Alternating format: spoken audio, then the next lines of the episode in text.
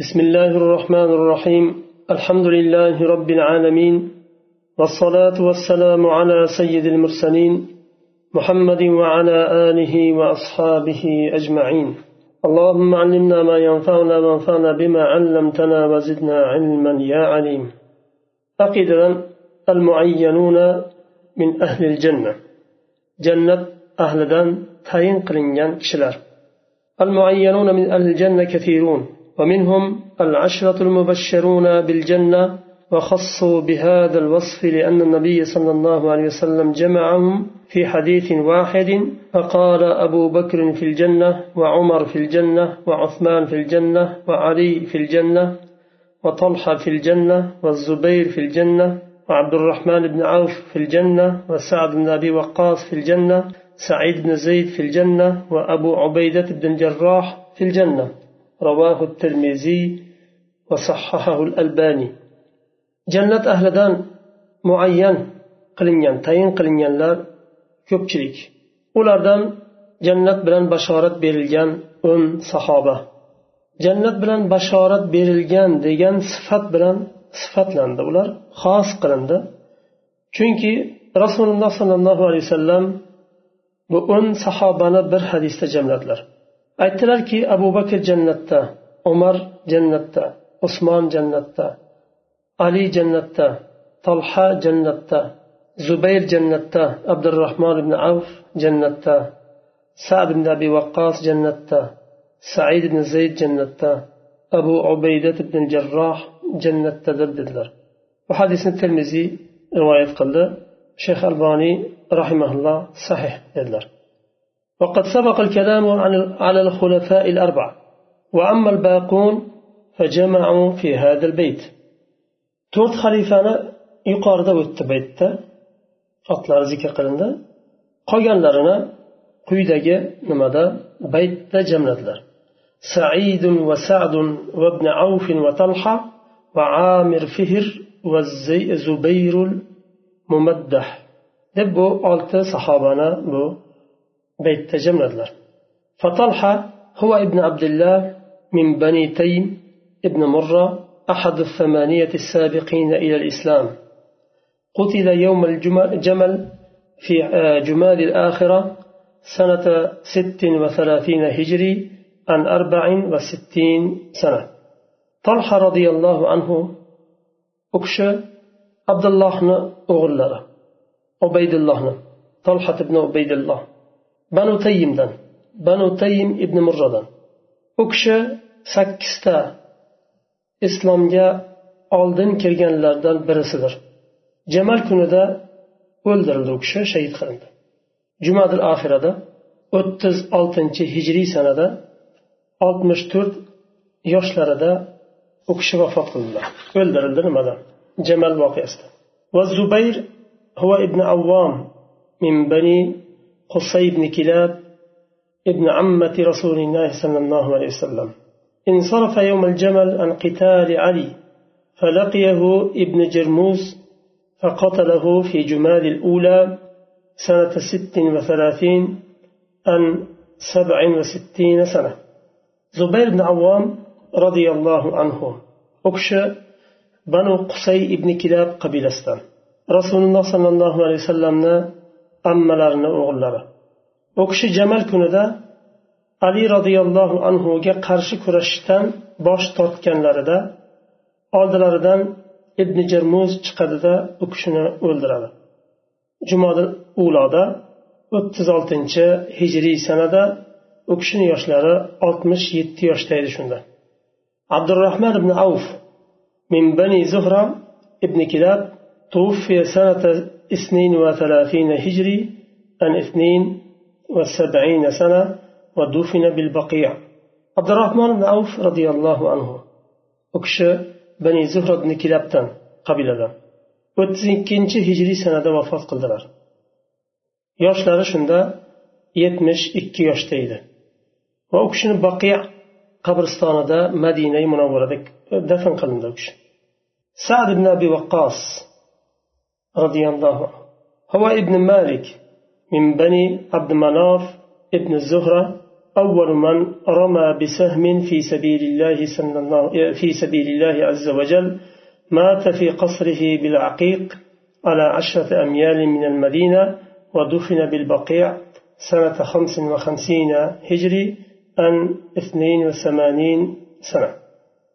سعد بن أبي وقاص رضي الله عنه أكش ibn malik banu abdumanof ibn zuhro qabilasidan.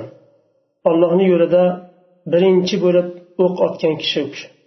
U kishi madinadan o'n mil uzoqlikda bo'lgan aqiq degan yerda vafot qildilar uylarida va baqiya qabristonida dafn qilindilar. Ellik beshinchi hijriy sanada u kishini yoshlari shunda sakson ikki yoshda edi. Said ibn zayd havo ibn zayd ابن عمرو ابن نفيل العدوي. كان من السابقين إلى الإسلام. توفي بالعقيق ودفن بالمدينة سنة واحد وخمسين هجري عن بضع وسبعين سنة. سعيد بن زيد رضي الله عنه أكشى قتل لهم زيد ابن زيد ابن عمرو ابن نفيل العدوي. هم إسلام دا سابق بوغان oldin kirganlardan edilar.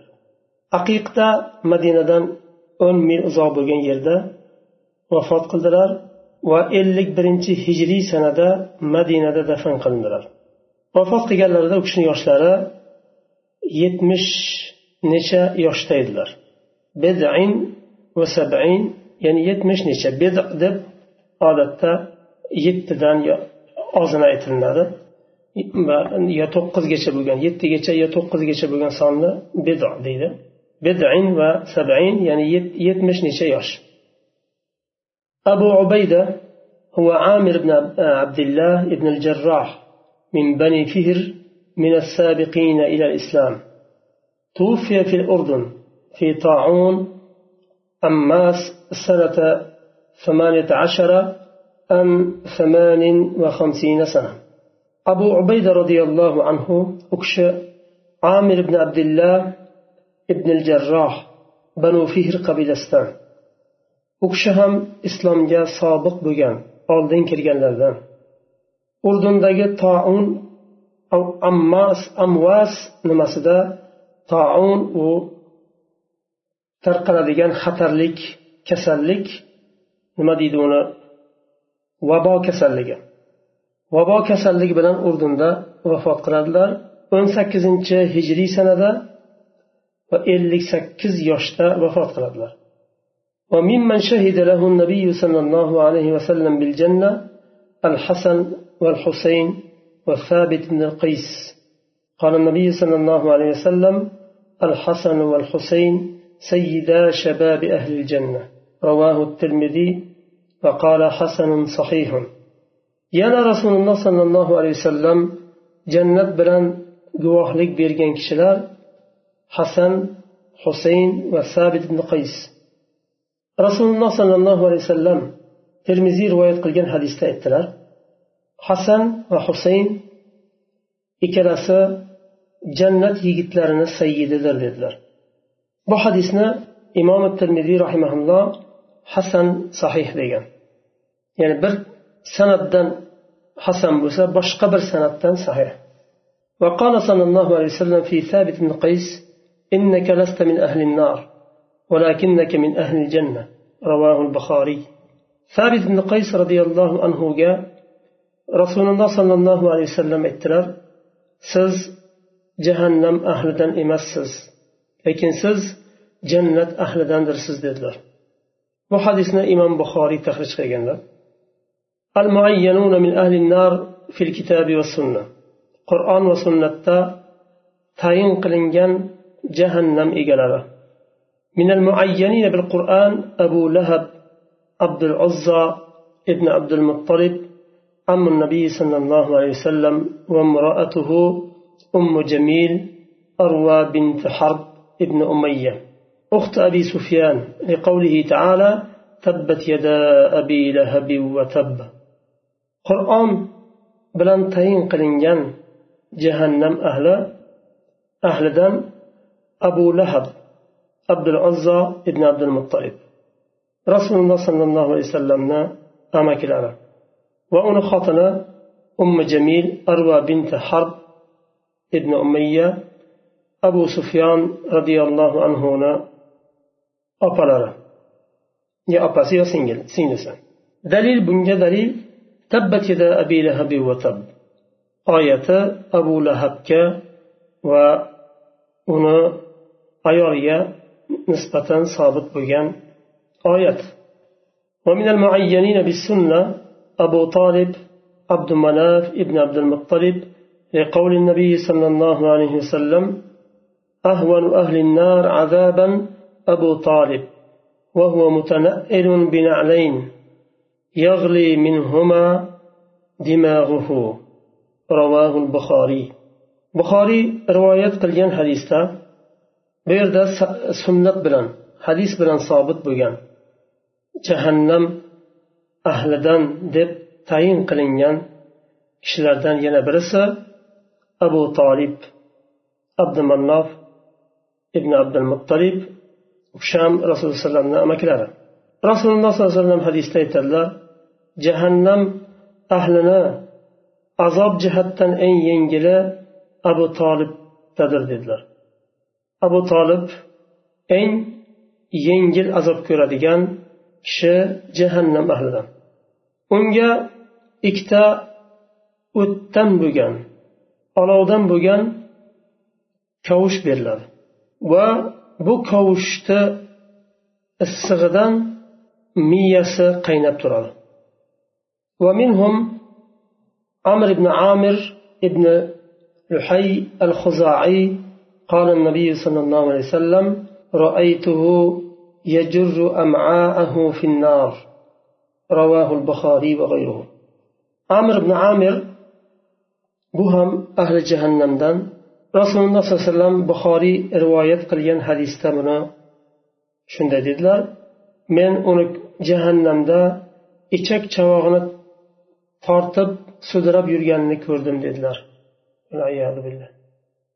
ولا نكفر أحدا من أهل القبلة بذنب ولا نخرجه عن الإسلام بعمل biror bir ahli qibladan birortasini kofir demaymiz kofirga chiqarmaymiz gunoh bilan va amal bilan islomdan ham chiqarmaymiz bir amalni qiladigan bo'lsa shu amali bilan islomdan chiqdi demaymiz ونرى الحج والجهاد ماضيا مع طاعة كل إمام. برا كان أو فاجرا. وصلاة الجمعة خلفهم وصلاة الجمعة خلفهم جائزة.